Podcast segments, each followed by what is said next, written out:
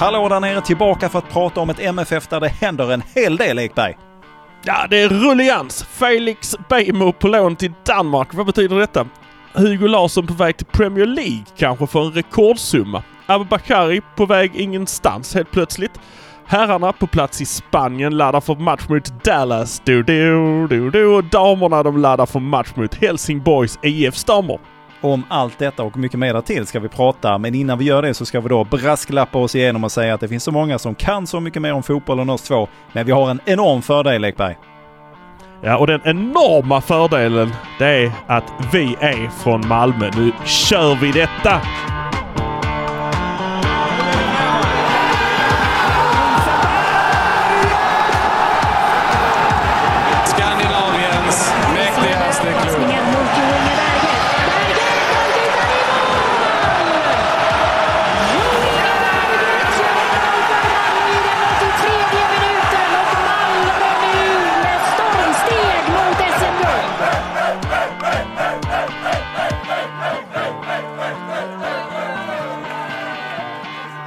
Innan vi börjar ska jag berätta att vi gör det här avsnittet i samarbete med Hoff Entreprenader som med sina rötter i Malmö ombesörjer allt ifrån totalentreprenader, nybyggnationer, renoveringar och det, det har de gjort sedan starten 1998. Vi säger stort tack till Hoff Entreprenader. Tack ska ni ha!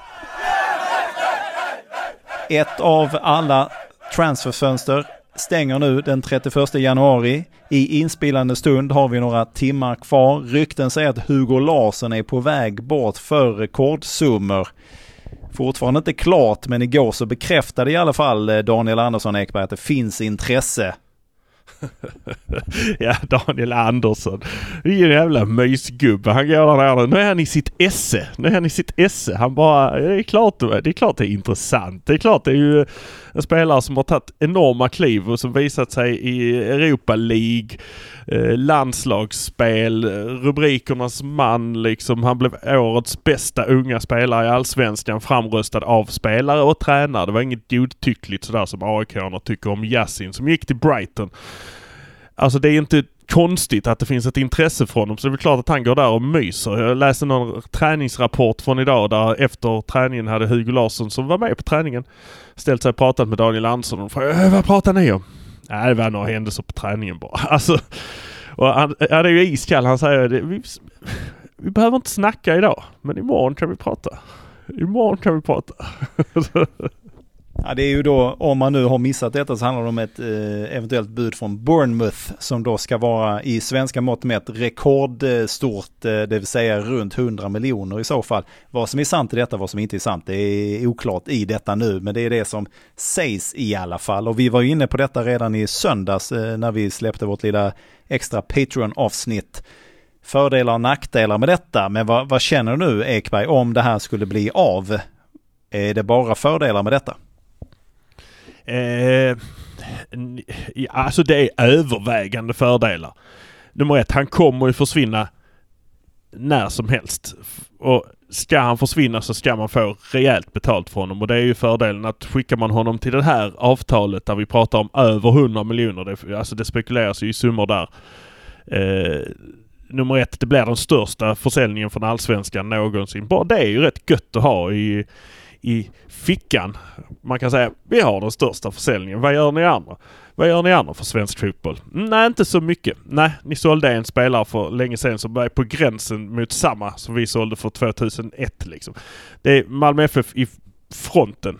Eh, för Hugo Larsson, rent, alltså så här, han kommer ju försvinna någon gång här inom eh, nu eller alltså kort. Och vi har ett tjockt mittfält så att vi kan klara oss utan Hugo Larsson. Faktiskt. Skulle han göra en dålig säsong också då är det helt kass. Alltså skulle han bli skadad är det ju helt kass. Malmö har ju allt att vinna på att sälja honom nu. Eh, men sen är det ju det här. Mm, visst. Det är ju tight här nu så att jag... Och sen så ska du gå till någon sån här annan turkisk klubb eller något sånt. Nej. Eh, men det är det här budet vi pratar om. Alltså det är detta budet. Då är det övervägande fördelar. Övervägande fördelar. Uh, nackdelen är att man blir av med så, Hugo Larsson, så, ett MFF-hjärta, en uh, spelare som har gillat dem sedan han var miniliten. Alltså visst, det betyder saker men det betyder mer när han kommer tillbaka sen i så fall. Eh, det här är, det här... Jag ser inga närsidor med det. AC verkar ju vara på gång också. Så att det känns ju, vi har ju ett, vi har ju ett fullt mittfält liksom. Ja, precis. Nej, men om det är de här summorna det handlar om. Sen kan man ju diskutera ur hans perspektiv. För nu pratas det om två olika alternativ här. Att om han nu blir såld till Bournemouth i det här fallet för en rekordsumma så handlar det antingen om att antingen kan bli utlånad till Lorient som har samma ägare som Bournemouth eller att han skulle få stanna kvar i MFF. Och det är väl någonting som man ändå skulle kunna tycka är, var till en fördel. Eh, för att man kan väl också fundera på hur läget skulle vara Bournemouth som just nu slåss för sin överlevnad i Premier League. Är det det bästa steget för en, en ung spelare som Hugo Larsson är? Eh, att, att ta sig in i en sån miljö. Man vet ju inte riktigt vad som blir sagt och gjort i slutet av säsongen, var de spelar någonstans. Och det, det finns ju fördelar och nackdelar med båda. Spelet i Championship och i Premier League. Det är två olika saker. Det är två helt olika skolor egentligen om jag ska vara helt ärlig. Och jag, han kanske passar bättre i Premier League när han kommer in i tempot och i takten än vad han kanske skulle göra i Championship. Så att ur hans perspektiv, vad skulle du säga? Är detta, är detta det bästa? Ja men ja, ja, alltså ja. De pratar också om att han skulle bli utlånad till deras eh, liksom systerklubb eh, som mm. jag inte kan uttala heller. Lorient. Jag säger Lorient men Lorient kanske det flu, flu. Eh, men eh, att han blir utlånad dit. Det är också ett snyggt steg att ta dit för de ligger väl ganska så bra till i franska ligan och där kanske han kommer bättre till sin rätt. Han är ju ändå bara 18. Han ska ha något år till sig. Ska vi jämföra med den andra stora försäljningen som Malmö gjorde 2001 i ungefär samma kaliber så gick han till ett Ajax. Det är liksom... Eh, där hade han också något år innan, han, där han fick växa till sig och lära sig ett och annat och bli torr bakom öronen.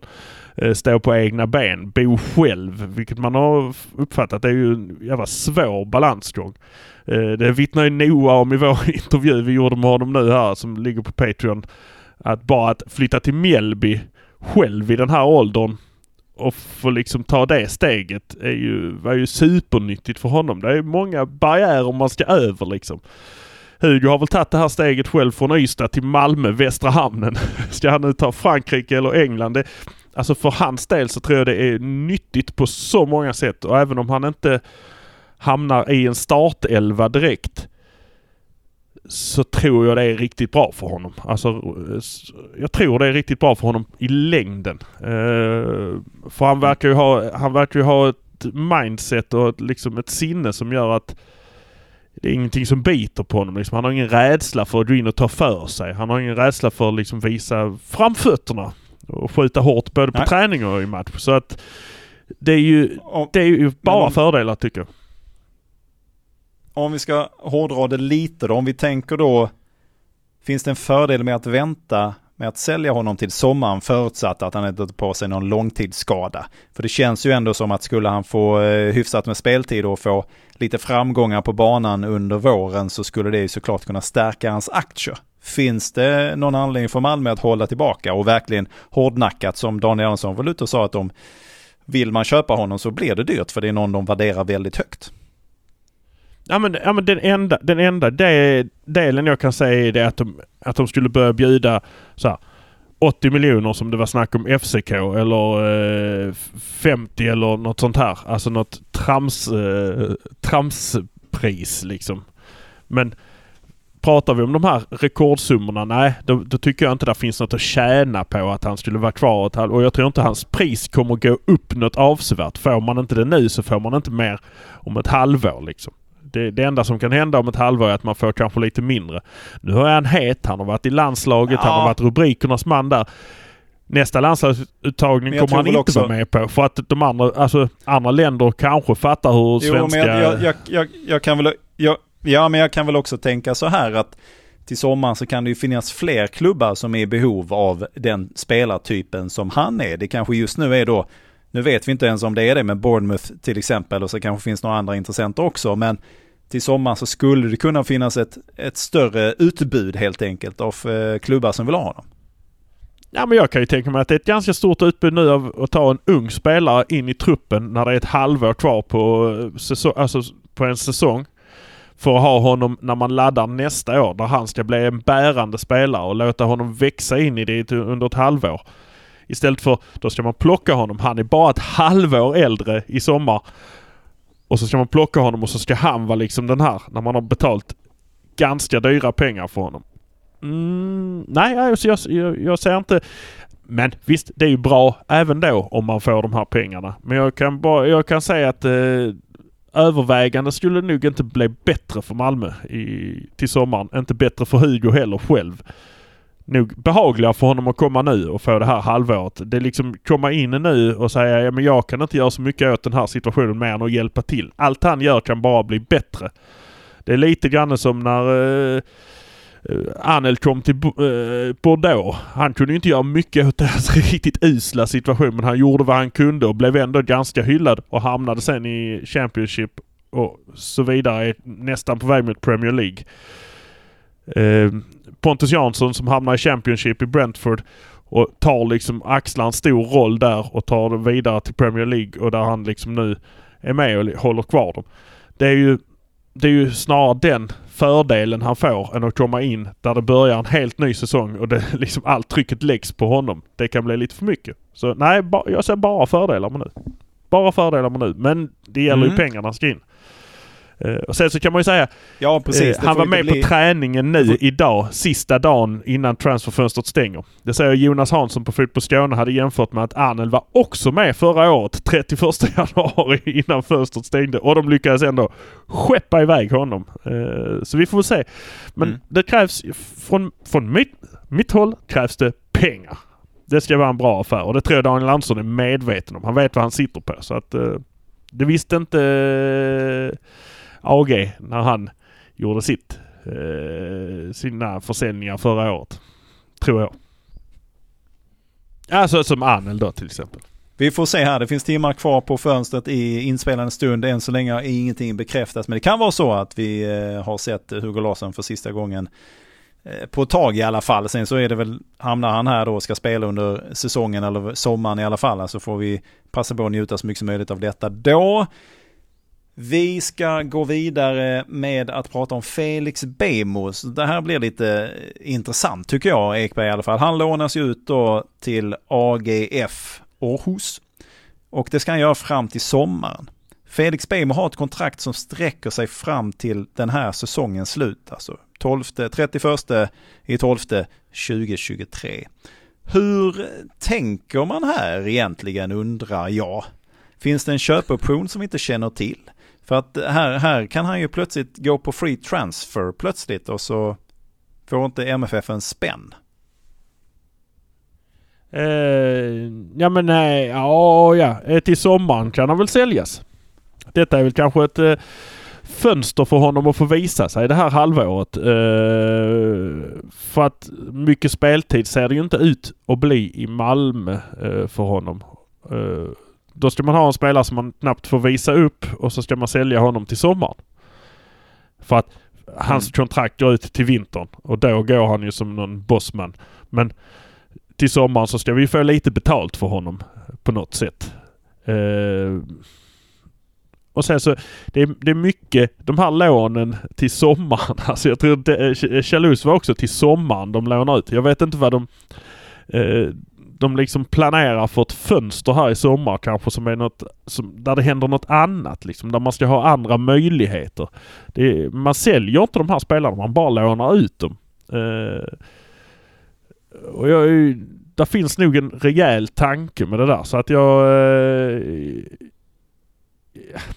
om det finns en köpmöjlighet för dem? Ja, det kanske det är. Kanske att de kan köpa loss honom till sommaren om han har presterat bra. Eh, men framförallt så tror jag det är speltid i bättre eh, förhållanden.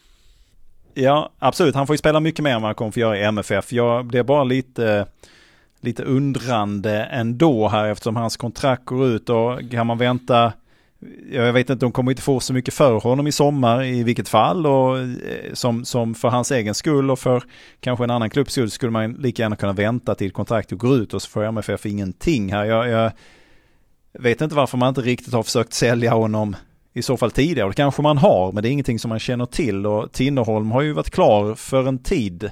Så att jag eh, förstår inte att man har steppat upp eh, försäljningsförsöken i så fall. För nu riskerar man ju som jag ser det att bli utan någonting egentligen. Och även om man skulle få in en liten slant så är det kanske egentligen inte riktigt det han är värd. Utan nästa klubb kommer få honom för en spottstyver hur man än vrider och vänder på det. Ja, men, ja, men alternativet är ju... Alltså, va, om han har tänkt att sälja honom eller han har varit på väg att bli såld eller så. Det har vi verkligen ingen aning om. Men alternativet är ju då att ha kvar honom i ett halvår där han knappt får spela. Man vill banta truppen. Han är ju en av de spelarna som har liksom en till två framför sig som är startspelare framför honom. Eh, jag vet inte vad han har för lön. Han kanske har en ganska rejäl lön. Som det kostar mycket att ha kvar honom ett halvår. Den får ju Århus gå, ta över lönen medan han är utlånad. Eh, så att och för hans del kanske det blir en bättre ekonomisk stil plus att han får visa upp sig lite mer. Och han kanske kommer tillbaka till Malmö till sommaren och mår mycket bättre. Man kanske är rädd för att Tinnerholm ska dra på sig en skada så att man måste ha honom som backup. Man vill inte släppa honom istället för att behöva göra en eh, Lomotey-värvning eh, helt plötsligt för att man får en skada på den man hade tänkt var första spelaren. Alltså det... samtidigt, samt, samtidigt, så, samtidigt så står man ju i då eh, läget att eh, man kan ju också tappa honom utan att få en spänn för honom. Ja men det kanske är vad det... Men, nej men det förstår jag inte. Vadå tappa honom utan att få en spänn för honom? Han har ju kontrakt i december ju. Jo men du förstår väl att du får inte lika mycket betalt för honom om han har ett halvår kvar på men det är ju klart, som men, om han har haft två år kvar på kontraktet. Nej men skillnaden på det här halvåret på Felix Beijmo är ju inte 30 miljoner ju. Det är ju kanske en... Är det inte... Är det en miljon skulle jag Nej, bli förvånad. Det, om, om, det, om det alltså, är mellan 5 och 10 miljoner så är det ju en skillnad. Om, man, men det om du hade fått 8 eller 9 för honom. Ja, det, det, är, det, det han, han har ju inte, han är inte värd, på är inte värd en miljon euro. Alltså han hade ju inte varit värd 5 miljoner uh, idag. Det är han inte. Det är ju ingen som hade köpt honom för 5 miljoner idag. Det, jag vill bara säga så att Abu Bakari var värd 8 miljoner för bara två år sedan. Jag vill bara, jag bara flikar in den, får du göra lite vad du vill med den. Nej men absolut. Absolut. vad får vi för honom? Ja men alltså det är det jag menar. Du, du får inte... Om du får 5 miljoner. Ja men säg att han är värderad till 10 miljoner. Säg att du får 8 för honom i mm. sommar. Alltså att 20% i nedgång. Det får du. Ja, men det, det, det, får, det får du ju inte. Du får inte 8 Nej. miljoner för honom i sommar. Du får ju inte 10 Nej, för honom nu heller. Ja, du får ja, inte 10 från honom nu heller. Kanske, så får du, så får du 3 eller 2 sen. Ja, men jag, du kanske skulle få 5 jag, jag blir nyfiken på hur man tänker. Nej, jag tycker inte ja, det är jag, konstigt. Jag, vad har han i lön? Vad har han i lön? 200 000 i månaden? Nej, det, jag vet inte. Men det vet jag, jag menar, Sex månader jag tycker, på... Jag tycker det är lite, lite märkligt. Ah, jag tycker det är lite märkligt. Bara jag, lönekostnaden. visst, det är fint att den... han blir utlånad. Men jag tycker, jag tycker det är konstigt att man inte har gjort större ansträngningar att sälja honom i så fall. Om man nu tycker att det är jobbigt att man har tre stycken. Man kanske har gjort det och ingen vill ha honom. Då är det tufft. Då får man inte en spänn. Då kanske man lika bra får säga upp kontraktet. Lika bra kanske. Jag vet ingen Men jag, jag tycker ändå lite märkligt att man är, känns rätt sen på bollen eh, i, i detta. Tinnerholm har varit klar sen, vadå, i november någon gång. Eh, så att eh, då, ja, det var lite sena på bollen här tycker jag i det här. För det har varit ganska tydligt då när han kom in och att Ceesay finns där. Och ska man då ha en tredje, men då får man väl hitta någon i, i P19-laget eller i B-laget som, som får ta den. Man kan ju liksom inte ha tre stycken som då har A-lagslön för att man eventuellt ska ha tre Exakt! Äh, Exakt, då lånar man ut honom så har man honom ändå. Runt. Man har ju kvar honom jo, då när han är utlånad. Ja, men, ja, men när han är utlånad. Det hade varit, bättre att gå, hade varit bättre att gå all in på att sälja honom i så fall. Och har de inte gjort det, då har de ju misslyckats. Då hoppas jag att de ser över sin personalstyrka också som, som har lite bättre förhandlingsskills. Ja men man vill ju, man vill ju ändå, alltså här har vi ett klassiskt, man vill ha kakan och ändå äta den. Och det är ju det man gör nu. Man har ju kvar honom. Skulle det hända Tinnerholm någonting, skulle, tänk om både Tinnerholm och äh, vad heter det, Ceesay skulle trampa snett på äh, Värnamos löparbanor i, i liksom maj. Ja då ringer man till oss och säger Hej! Tyvärr, vi behöver ha hem honom igen. Vi tar den här månadslönen och sen så tar vi honom vidare härifrån. Det var trevligt att ni hade honom. Trevligt att ni höll honom varm till oss och så tar vi honom. Man har gjort det förr. Marco eh, Johansson, man plockar hem honom från Mjällby bara rätt upp och ner mitt i säsongen. Men det, inte, att... men det, det blir också, det var också en klurig jämförelse. Alltså Felix Beijmo står ju högre i kurs än vad, vad Marco Johansson gjorde. Ingen, Ja, och ändå gjorde man Johansson. det. Ändå gjorde man det. Ändå fick man plocka Jo, tillbaka jo, honom. men alltså det är, ju, det är ju ändå, det är en större, det finns en större pengar att tjäna på Felix Bemo än vad det finns på Marco Äh, Johansson. det finns det enda inte. Han har varit ute en Jag gång. Han har varit ute en gång och kommit Jo, det tillbaka. tycker jag- Det- han lyckades inte förra det gången. finns. Det finns tycker- inget lag som vill ha jämföra- honom ju. Tycker att du kan jämföra du kan inte jämföra Marco Johansson och eh, Felix Bemo på det sättet. För han Nej, har ett högre situationen. Jag jämför ju situationen. Punkt. Situationen. Punkt! Nej, Punkt! Basta! Fel på det. Jämför situationen. Detta är Eller det det- bästa det- av Malmö FF. Man har kakan, man äter upp den. Punkt. Nej. Nej, ser- har vi sett det sista av Felix då? Eller du tänker att han springer runt eh, längs löparbanan sista sen fram till december och är med på sista träningarna och eventuella förberedande träningsmatcher innan, eh, innan året är slut sen? Jaha, nu är redan i Danmark och tränar. Har jag sett honom i tröjan. Jo, jo, men Så har vi sett det eh, sista? Kommer han tillbaka sen nu. i sommar Men, och, eh, och fortsätter? Jo, men kommer Nej, han nej. tillbaka i sommar? Kontra, så, så, nej, det hoppas går ut men i jag- sommar. Alltså, ska man tro. Jag tror ju att våra med, backar Ekberg. håller. Och i, jag, jag tror ju att backarna håller och inte trampar snett. Så att jag tror inte han kommer tillbaka. Men eh, så... Ja, då- om jag ska då- tro det. då är men hela jag vill ju ha den backupen. ju. Jag vill ju ha den backupen ju. Jag, jag tar ju hellre ett par kalsonger extra i handbagaget än att re- resa utan liksom. Jag vill ha en liten försäkring. Malmö att, FF. eh, Malmö, Malmö FF, lev lite, herregud. Lev lite. Släpp sargen någon gång lite då och då. det, då blir man inte bäst. Okej då, Mesta ja, men mästare. okej då. Men det, vi får väl se helt enkelt då. Du kan ha helt rätt. Jag bara tycker att det här känns ju, det känns som det är lite eh, på senpåkommet för att Bemo eh, sa att han vill ha mer speltid och det kan inte Malmö garantera honom. Det kunde man väl för fasiken se långt, långt innan att man skulle hamna i det här läget. Man tog väl inte in Tinnerholm för att han var kass eller för att han var sämre än Bemo. Det verkar ju helt värdelöst. Sen hoppas jag då bara att Ceesay har fått ordning på sina, sina passar framåt och inåt. Men det återstår ju att se. Men vad som är klart är då att Felix lånas ut till AGF Århus. Så vill man följa honom så får man göra det där. Vi håller lite koll, får vi se lite hur det utvecklar sig, hur mycket han får spela och så vidare där då. Ett lån som jag inte blev av, men som kändes klappat och klart eh, i förra veckan. Det var ju Abu Bakari som skulle till AEK Larnaca. Eh, men det, det blev inget med det, för Abu Bakari har inte signat kontraktet. Nej, han gjorde inte det. så, och det är de som säger det i klubben där. Alltså Larnaca som säger att nej, han skrev inte på. Det var väl det enda de väntade på. Vad betyder detta? Det är ju ingen som vet. Men eh, lyssnar man på Daniel Andersson som säger att det finns ju, de jobbar ju fortfarande på att få honom till ett eh, lån. Alltså det är ju samma situation där. Varför ska vi inte sälja honom? Han är värd 8 miljoner. Han är värd 5 miljoner. Vi kan få pengar för honom. Ja men det är ju klart vi lånar ut honom. Han, han duger inte i Malmö FF just nu. Och det, men det här borgar ju för att han har någon annan klubb han vill skriva på för. Så att där han kanske får mer pengar i fickan. Eh, på något sätt. Han kanske vill bli såld till och med. Eh, och backar vi till, när vi pratar om Hugo så pratar Daniel Andersson om att vi pratar mer imorgon. Det är nog där vi är någonstans. Imorgon får vi nog många fler besked av, om det här.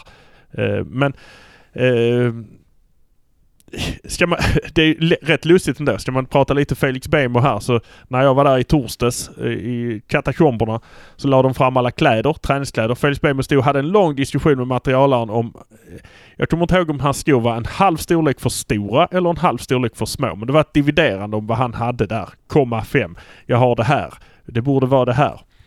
Eh, men träningskläderna låg där i högen. De här de har på sig nu. De fancy som de har på sitt läger nere i Spanien. Felix Bejmo åkte inte med ner dit. Men han har ju hela högen med kläder i alla fall. Abubakari var klar för att inte åka med. Det var klart och tydligt. Han åker inte med ner för att han är liksom klar för någon annan klubb. Det räknar vi med. Han är inte klar och utlånad. Han kan få Felix kläder om Nej, de han- skulle passa hans lår. Vilket jag tror är kört. Han sitter ju standby hemma som Andersson uttryckte det så vi får se om man får bege sig neråt. Men det, det är ju lite udda. Det är ju sällan man hör talas om eh, låneavtal. De gick ut med detta. Det var ju Larnaca själva som gick ut och sa att det var klappat och klart. Eh, Mm. Men så var det icke. Eh, och eh, då undrar man ju vad det är för annan klubb som han hellre vill gå till. Han hade inga problem att gå till Helsingfors men Larnaca kanske inte riktigt flöt på samma sätt. Så det blir intressant att se vad som händer med honom där då i detta. Vi ska prata om att Melker Videll också har lämnat för eh, spel i Landskrona Boys. Och Kul där Boys. spelar också Daniel Edvardsson. Ja, han är utlånad. Varför lånar Ja. man ut honom? Kan ju Ja, sälja honom. Vill man inte ha honom kan vi sälja honom. Yeah. Okej, okej, nu backar du ner trucken. Det är en enorm skillnad på Felix Beijmo och Melker Widell vill jag ändå säga. Daniel Everson spelar ju också i Landskrona Boys den här säsongen, utlånad från MFF också. Så det blir ju intressant att följa det Skånelaget också lite och se vad som händer där. Eh, Nu har ju MFF så extremt, de har ju nästan en elva utlånad nu. ja, det är många räcker. utlånade Jag tror nu. kanske det är till och med, för jag har faktiskt inte räknat, men det är väldigt många utlånade så det är väldigt många att hålla koll på och se vad som händer här. Men, och det kanske är så här det ska funka, jag vet inte riktigt, men det känns ju som att eh, MFF allt mer blir någon plantskola som sen skickar frön åt alla håll och kanter och sen behåller man förhoppningsvis det bästa själv. Men eh, är det så här det kommer se ut och ska se ut, Ekberg? Ja, jag tror det. Detta är storklubbsfasoner. Eh, det är väl så, ja men det är väl så stora klubbar eh, agerar liksom. De har sina, de har spelare på vänt, på tillväxt, på, på liksom eh, som reserv och håller igång dem i andra lag. Alltså detta är ju, detta är ju klassiskt farmarlagstänk eh, egentligen fast man sprider ut dem i andra lag så att de får andra erfarenheter, får andra möjligheter liksom. Eh, och det är ju de som kommer tillbaka brukar ju lyckas också. Det är ju säkert en... Eh, nu har jag inte någon statistik på det men skulle jag bara dra några siffror rätt ur eh, hålet nedanför ryggraden så är det väl eh, typ tre fjärdedelar som kommer att lyckas ganska bra. Eh, om man tittar på de senaste åren. Där de har varit ute och kommit tillbaka. Och vissa har varit ute och knappt studsat som, eh, som Amin Sarr till exempel. Ja, vi ska komma in på Amins alldeles strax här. Men det är ju fascinerande. Daniel Andersson, det är ju nästan samma citat på varje utlåning som sker av det yngre gardet. Att ja, vi har kommit fram till att det kommer att bli begränsat med speltid så det är bättre att de får flytta sig hit och dit. Och så vidare och så vidare. Och det är ju fantastiskt vilket och mittfältet nu, Melker spelar på mittfältet och jag är Daniel Edvardsson också. Så att det fattar ju att det är tjuvtjockt där.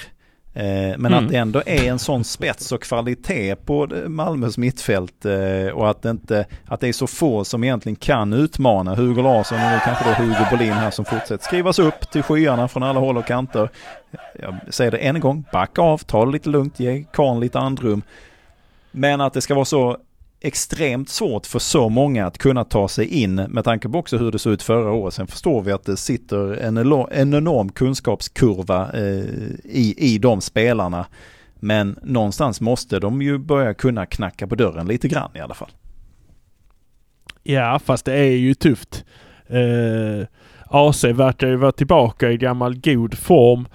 Eh, Peña, som vi säger, är ju en storspelare om han bara får rätt på de här skitgrejerna han håller på med som gör att jag vill sälja honom. Zeidan, eh, så fort det bara blir lite varmare så kommer han ju prestera igen. Eh, sen har vi ju liksom det defensiva. Alltså du har ju Nanasi som kan gå in. För där börjar bli trångt ute på kanterna också. Vi har Rex som kan gå in. Det är rätt många rutinerade och duktiga spelare alltså som ligger i allsvenskans övre skikt. Som, som besitter det här Mm. mittfältet. Hugo Larsson, om han är kvar eller inte liksom så här. Men sen så backar du bak så har du Lewicki som är på nyttfödd. Han har väl, gör en jävla eh, Benjamin Button-grej här. Eh, Skadad förra året men i år så är han som en eh, liten valp känns det som. Och sen så har vi en skada som är på väg tillbaka. Han eh, la själv ut ett eh, inlägg igår liksom där det var eh, mm, nu snart, det närmar sig, det närmar sig. Och då snackar vi om en höftskada som borde ha tagit längre tid. Och vi har Lomotey som ligger på den platsen också som är mer en playmaker. Alltså, där är ett tjockt och det är inga dåliga spel. Alltså du behöver verkligen ta ett Hugo Larsson-kliv om du är en ung spelare som ska in i den här elvan. Du behöver ta det och nu är det väl Hugo Bolins tur men han är ju inte så ung. Visst, men så han är ju också en, en Eh, klump att kliva över innan man kommer in i finrummet liksom. Det, är- det är lite... Det är, det är inga öppna dörrar här utan det, det krävs att man, eh, att man eh, gör sin parkour och hoppar in ordentligt. Man får, man får visa framfötterna. Ja, men det är väl så helt enkelt. Men det är, det är hoppas att eh, de visar dem då, att de får möjlighet att visa de framfötterna också. För det är ju, Dan Edvardsson har man ju höga förväntningar på. Det har haft skador som har satt stopp för honom, men det, där finns det ju kapital känns det som. eh, som man hoppas kan förverkligas också. Sen kan jag vara orolig, men vad händer om vi då, vi pratar om att det kan bli skador på Tinnerholm och Ceesay och allt vad det är, men herregud, Lewicki och AC och eh, Sören Rex som vi ska snacka om en liten stund också, det, det visar ju också på att det finns skadebenägenhet. Så, och, och är det, är, har vi ett sånt djup så att man bara kan skeppa iväg spelarna på det här sättet. Visst, man kanske kan kalla hem dem igen. Men eh, det hade kanske varit bättre att de varit med Ja, jo, men då ska de ändå anpassa sig plötsligt till att komma in i ett annat system och då har man ju förstått att Henrik Rydströms spelsystem, det är ett av de mest komplicerade i hela världen. Det kunde man läsa att AC uttryckte igår här, eh, att det är superkomplicerat det vi håller på med nu och det är väldigt mycket detaljer så det kommer att ta tid och bla bla bla bla. Och det vet jag inte om det är superlyx eh, att bara kalla in någon som har spelat lite i Landskrona eh, rakt in i ett, eh, ett sånt spelsystem och förvänta sig att det ska gå bra. Jag lyssnade igår på bytte jag, pratade jag amerikansk fotboll istället där, där man då fick i, om det var San Francisco 49ers som nu i helgen fick ta in en fjärde eller femte quarterback. Ja, det var som, fjärde, som, fjärde quarterbacken fick gå in i, ja. i matchen här nu, AFC Champions. Och, och då, alltså. då börjar man diskutera om då, fick man, då började man diskutera att på den nivån, ja då har man tre eller fyra olika plays som man spelar och inget mer. Eh, och då är det spring till vänster, spring till höger och kasta. För mycket mer än så hinner du aldrig ta in. Och nu förstår jag ju att eh, Rydströms spelsystem är inte lika lika eh, stökigt som ett wildcat-system i NFL. Men jag, jag, jag kan ju ändå tänka att ja, är du inte med och får sätta grunderna utan spelar i Landskrona Boys eller Olympic eller vad det nu kan vara och det uppstår skadesituation, ja, då blir ju eh, spelsystemet lidande såklart. Ja men så är det. Men, eh, men det är som du säger, det är, inte, det är inte lika många fasta system som ska bara sitta i huvudet på eh, fotbollsspelarna som det är. Eh, här är det ju Rydström säger håll din punkt och sen så, så ska du vara där. Så att Rydström har gjort för Han tog in Nanasi till Kalmar. tycker vi ska testa AC på detta, hur många uppspelssätt han har i arsenalen bara rakt upp och ner så man kan skrika 49 blue, 49 6 och så kör han och ser hur många varianter han kan komma upp och komma på. Men men, eh, vi kan lämna det där här. Vi önskar dem lycka till såklart och så får vi se då vad Abu Bakari kanske tar vägen eller om han stannar kvar. Vi får se var vi hamnar med detta. En som har lämnat det är Amin Zar. Han har lämnat då Heerenveen och gått till Lyon. Och varför pratar vi om det? Jo, han är ju före detta MFF-spelare. Och han lämnade MFF förra säsongen och det finns en eh, vidareförsäljningsklausul och det innebär att MFF kommer få ett och annat, en och annan krona på kontot. Någonstans mellan 15 till 20 procent av övergångssumman som sägs vara runt 150 miljoner. Så det handlar om mellan 15 och 20 millar in på MFFs konto Ekberg. Ja, för det är ju inte så enkelt att man kan ta de här övergångssummorna i 150 för det handlar om vinsten de har eh, vidareförsäljning på också. Nu, nu börjar det bli mycket varje år hittar man ju någonting i allting där man kan ta det ett steg längre. Alltså, det, det, mm. det är ju alltid så. Allting ska ju alltid förfinas. Tillväxten ska vara där i alla kurvor. Så att nu, nu är det mycket snack om vad man har för klausuler, vad man har för bonusar och vad man har. Gäller den här på på netto eller brutto. Alltså så här, förr pratade man bara han kostar så mycket. En sak jag tänkte på förresten. Som jag, alltså, var det inte länge sedan man såg en affär där man hade en spelare och pengar emellan? Alltså, jag, jag, nu har jag inte koll på den stora transfermarknaden ute i vida världen här men men förr var det mycket vanligare. Ja men okej, okay, vi vill ha eh, Messi. Ja, då kostar han 500 miljoner och Ronaldo. Så får ni honom. Ja okej, okay, då gör vi så. Eh, så mm. byter man en spelare plus lite pengar emellan. Alltså eh, eh, lite så bilhandlarstuk. Ja men jag byter in min gamla mm. Opel mot den här nya Forden. Så lägger jag också mm. 50 000 emellan. Ja.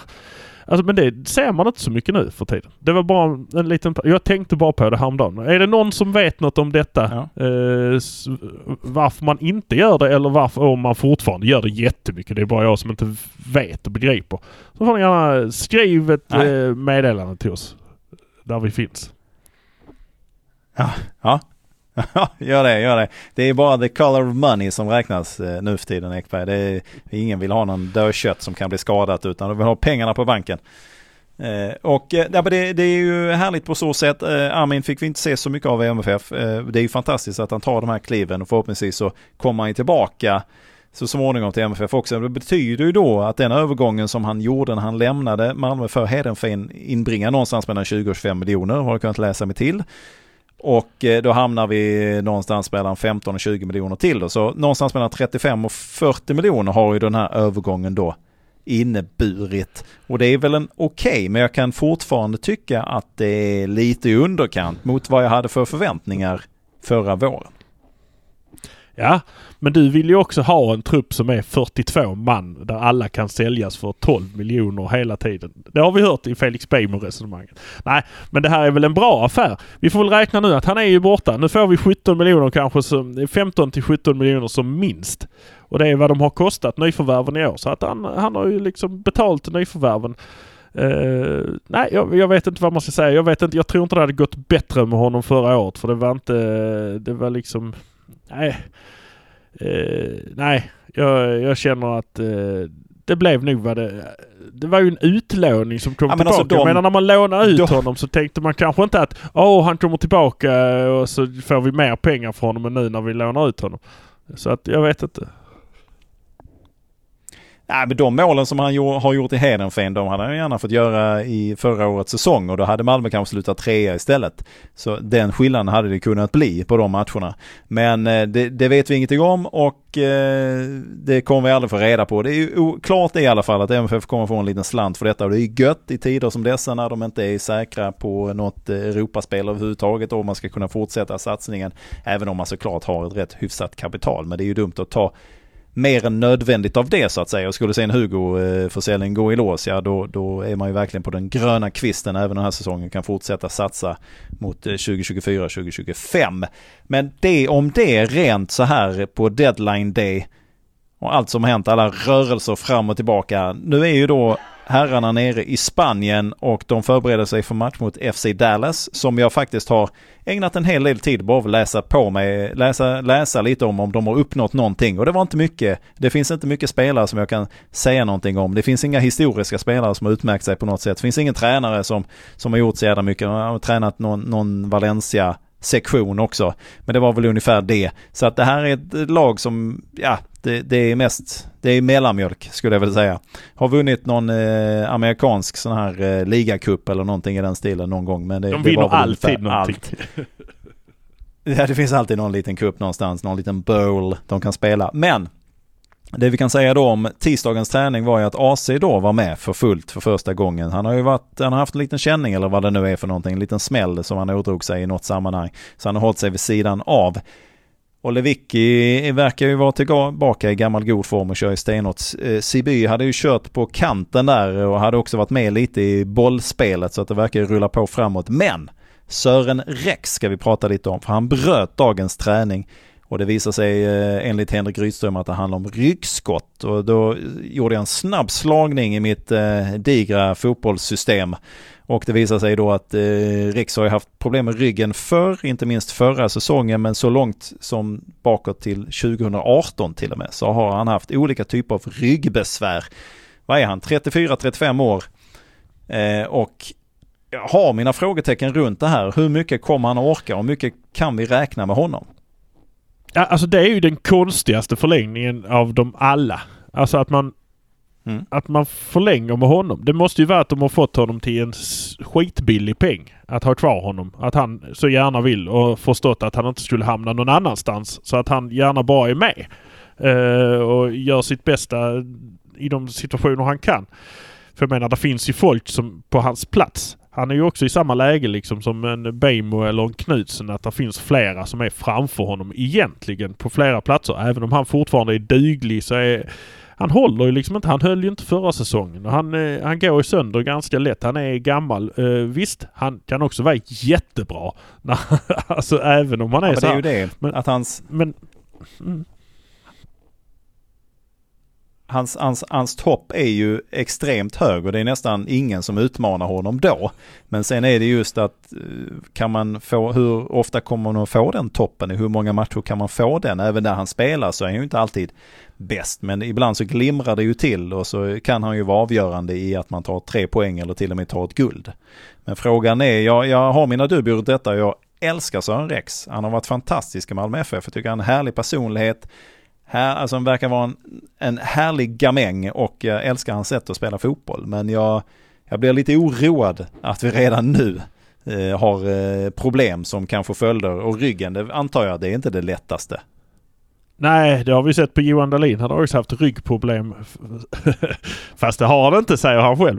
Eh, det kan man lyssna tillbaka på en gammal intervju med honom vi gjorde förra säsongen där han sa jag måste, alltså jag har inga problem med ryggen. Men alla har pratat om att han har problem med ryggen. Men eh, det är ju, ja, det är ju märkligt. Men det är som jag säger, den här förlängningen, där måste ju ligga någonting bakom. Det är mycket vi inte vet alltså. För det, den är väldigt märklig. Jag hade ju hellre då förlängt med Jo Inge som vi säger än Rex. I den mån att han är ja. några år yngre och inte alls ja. lika benägen att gå sönder. Eh, kanske inte har exakt samma hö högsta nivå längre men han har en betydligt högre medelnivå eh, än vad Rex har.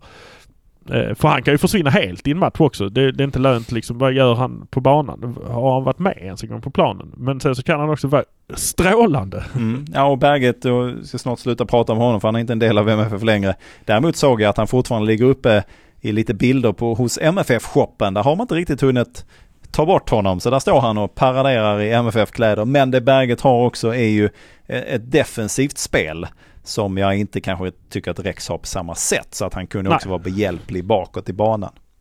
Därav en konstig, konstig värvning. Men det måste ju ligga pengar i det här. Att de har fått honom väldigt, mm. väldigt billigt. Alltså de har gett honom ett anbud som har varit ett skambud. Eh, Berget tackar ju nej till ett. Det har blivit klart och tydligt att så var det. Eh, att han fick ett i somras och sa nej tack. Rex har fått ett också ett dåligt bud antagligen. Men han har känt att nej, det här är nog min sista, liksom sista rulle på den här eh, balen. Så att nej, då kör vi, eh, kör vi en gång till och sen så får du va ja. Jag menar Gall satt ju he två hela säsonger utan att spela med kanske tre matcher. Så att det är ju inte första gången vi har spelare som bara hänger med. Verkligen inte, verkligen inte. Och jag, jag, hoppas ju bara, jag vill ju se honom så mycket som möjligt på planen. Så att jag hoppas ju bara att de kommer till rätta med detta så att han kommer kunna spela en majoritet av matcherna. Och när han inte kan så finns det ju andra som kan ta över och kliva in. Eh, men vi lämnar det där här. I övrigt så tränar de ju på och de förbereder sig inför matchen då på fredag. Damerna förbereder sig i sin tur mot eh, HF på Limhamns IP den 4 februari på lördag. De vann ju mot eh, Trelleborgs FF förra veckan. Fortsätter segertåget även nu, Ekberg? Det borde göra det. Eh, Helsingborg är ju ett år efter i den här satsningen. Eh, där Malmö FF och IFK Göteborg ligger på samma nivå. Helsingborg är ett år efter. Eh, men det ger också en annan, alltså jag har tänkt på det. Att vinna mot TFF som låg i division 1 förra året, nu i elitettan. Det ger ett besked. Man kan slå de lagen som är bland de bästa i elitettan. De här gamla lagen om man ska säga. Sen så har det kommit upp en del nya lag som IFK Göteborg och några andra. Där är kanske HF närmare i, i, liksom i satsningen, i, i kvaliteten. Eh, än, vad, än vad de här äldre, alltså vad de här gamla lagen är. Hänger du med på hur jag menar? Södra Sandby har ju legat i 100 år i division 1. Alltså det, det är en nivå de har.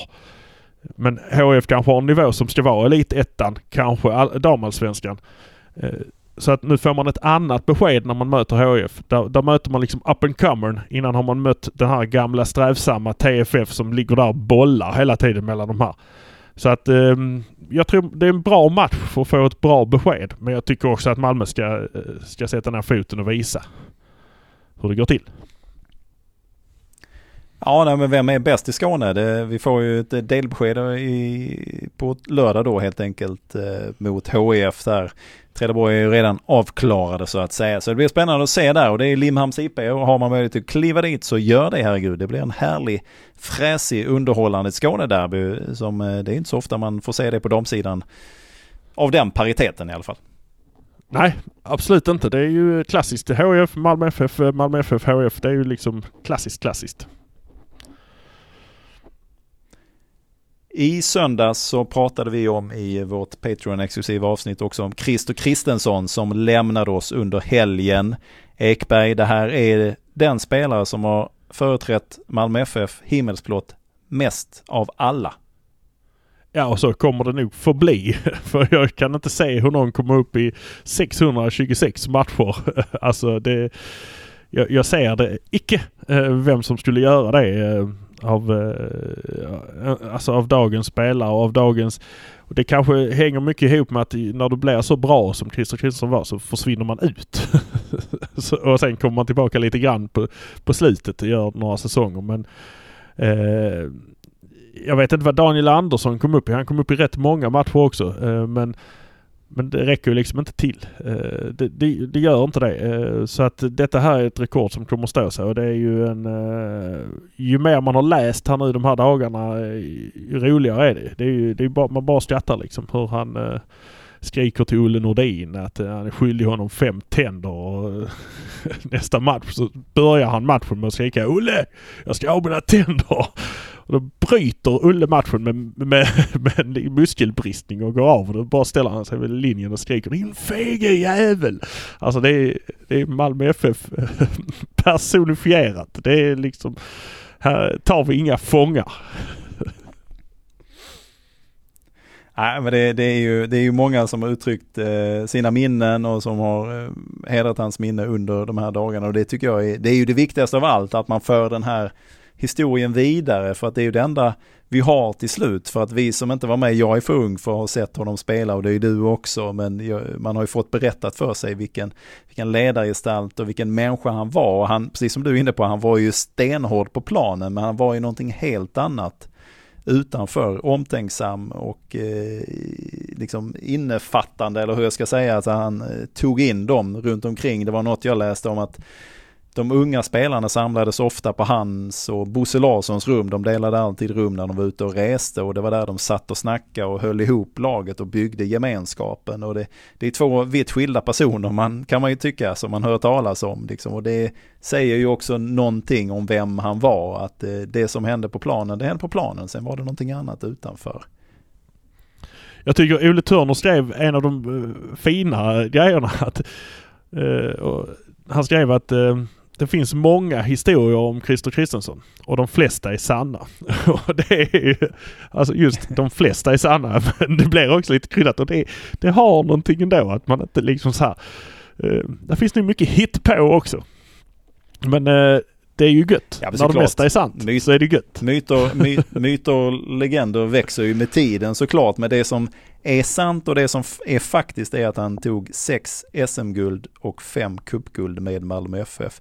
Gjorde 38 A-landskamper. Eh, fick väl vara med och dela på bragdguldet också 79 även om han inte var med under hela den tiden för att han var ju egentligen färdig och hade lämnat för Trelleborg men blev inlånad i semifinalen om jag inte nu säger fel mot Austria Wien och eh, såg till att man ändå skaffade sig ett bra utgångsläge inför den andra. Sen så fick han inte, kunde han inte vara med i den andra matchen och han var inte med i finalen heller. Det, det var väl det som han tog med sig från eh, någon intervju som jag läste att han sa, ah, vi borde ha vunnit det där. Han var, han var lite sned på att de inte hade vunnit Europacupen. Då var han inte ens med på plan och kunde inte påverka.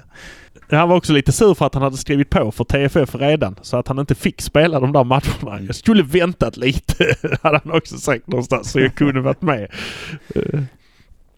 Och jag sa, det, jag sa det i söndags också, men jag tycker det är så skarpt det är eh, förhållningssättet till att vinna, hur viktigt det var. Det tycker jag, det är det som präglar min bild av Malmö FF och det som är, är väldigt mycket Malmö FF för mig. att Guldmedaljerna, de hade han i ett bankfack.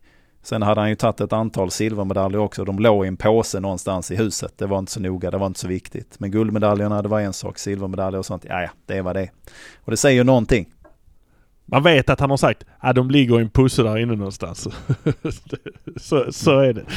uh, nej, det är, um, det är fantastiskt uh, MFF, uh, MFF hjärta vi har tappat ja. där.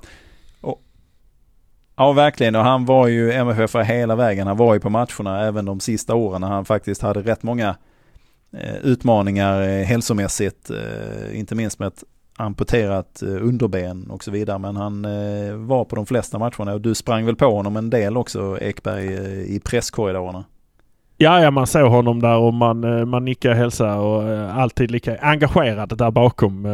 På hedersläktaren satt han ju och höll, ja, höll ögonen på de, eh, de nya.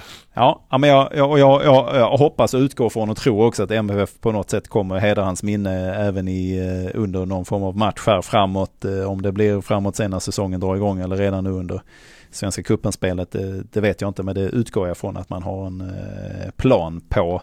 Christer Kristensson blev 80 år ska vi säga också. Du, innan vi rundar då, ska vi ta en liten kik på ryggtavlan Ekberg?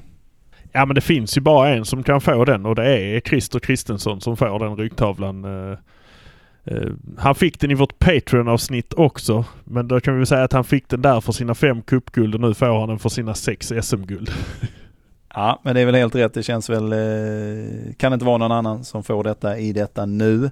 Ska vi ta en liten kik i maratontabellen och där har väl Christer Kristensson spelat en rätt stor roll i vem som ligger etta i den tabellen. Så är det ju. Han har ju lagt, eh, han har varit med och lagt foundationen, grunden för alla de här poängen som det skiljer mellan eh, Göteborg och Malmö i detta nu. Han är väl grunden till eh, liksom den här andra eran också. Han var med i första eran och vi har sett, vi är i den andra eran fortfarande. Men det är ju ett långt språng där mellan göteborgarna och det finaste laget i hela riket. Malmö FF. Malmö FF är det, det stämmer alldeles utmärkt det. Så här är det ju att vi kommer ut med ett avsnitt varje vecka här i det er vanliga spelare. Vill man ha mer av Hallå där nere då ska man bli Patreon. Kommer man in på patreon.com hdn så kan du välja din nivå och vad du vill ha där helt enkelt för en liten slant. Och eh, jag kan ju säga att det ligger rätt många intervjuer i detta nu. Det ligger rätt många specialavsnitt i detta nu. Alltifrån Felix Bejmo till Zeidan och så vidare, så vidare, så vidare. Ekberg springer som en tok på alla pressträffar och allting och skaffar så mycket material och det är mixzone och allt vad det nu är. Som bara ligger där och väntar på att bli lyssnad. Om du eh, kan tänka dig att bli en, del, en större del av HDN-familjen. Och måste också säga till alla er som börjat lyssna nu här senaste veckorna på eh, det som utkommer då i, eh, som vanligt en gång i veckan att ni, ni börjar bli väldigt många. Det har vuxit de senaste veckorna och vi är supertacksamma för att ni tar er tid och lyssnar på detta och vi vill gärna att ni hör av er ifall det är någonting ni funderar över, det något ni inte håller med om eller någonting ni håller med om så får ni jättegärna göra det också. Det kan man göra via vårt Instagramkonto då Ekberg. Jajamensan, det är bara in där på Halla där nere. Man hittar det ganska lätt eh, och sen så är det bara att skriva ett DM där eller så eh, ja, det blir så bra. Så bli Patreon så kan du skriva ett meddelande där också. Det, det, där kan man det också. Ja. Uh, ja, det finns så många vägar. Det är bara, bara, bara googla det så hittar ni oss. Men framförallt så fortsätt lyssna och vi tackar så jättemycket för att ni gör detta. Tills vi hörs igen så sar vi så och så sar vi. Hallå där nere!